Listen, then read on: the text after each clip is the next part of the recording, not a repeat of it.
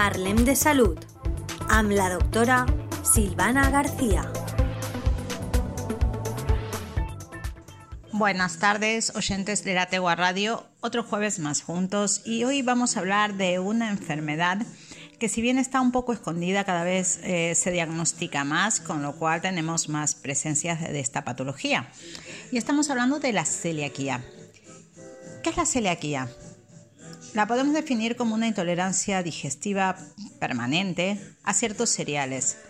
Se debe a la reacción del organismo ante unas proteínas que forman parte del gluten, contenido en cereales como el trigo, la cebada y el centeno.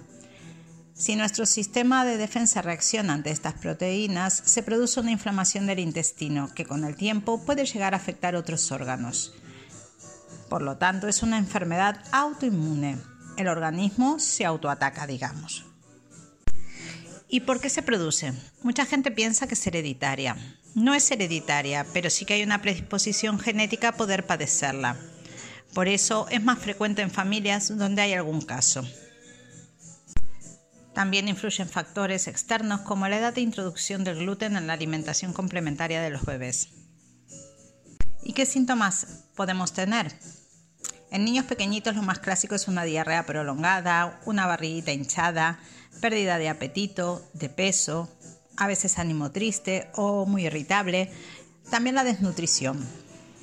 En niños más mayores o adultos a menudo tienen menos manifestaciones y más leves, como falta de hierro, pérdida de apetito, talla baja, dolor abdominal, llagas en la boca, a veces dolores articulares y en la piel una, una característica, un tipo de dermatitis que se llama dermatitis herpetiforme.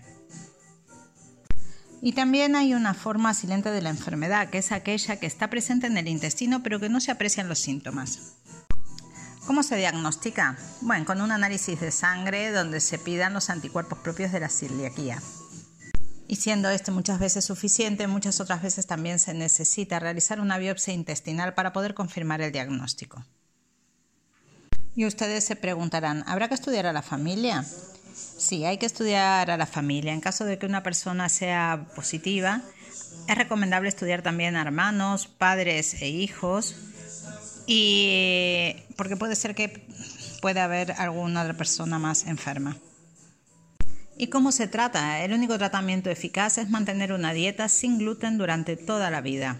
La enfermedad no se cura, pero la dieta consigue que sus síntomas desaparezcan y disminuye el riesgo de que surjan otros problemas autoinmunes relacionados como la diabetes, la tiroides y otros tipos de cáncer.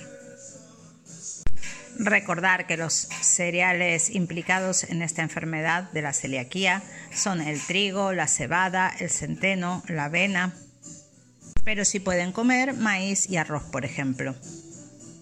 Pueden consumir sin problema leche, derivados naturales, carnes y pescados sin resbozar, huevos, frutas, verduras, legumbres, patatas, soja, aceite, azúcar.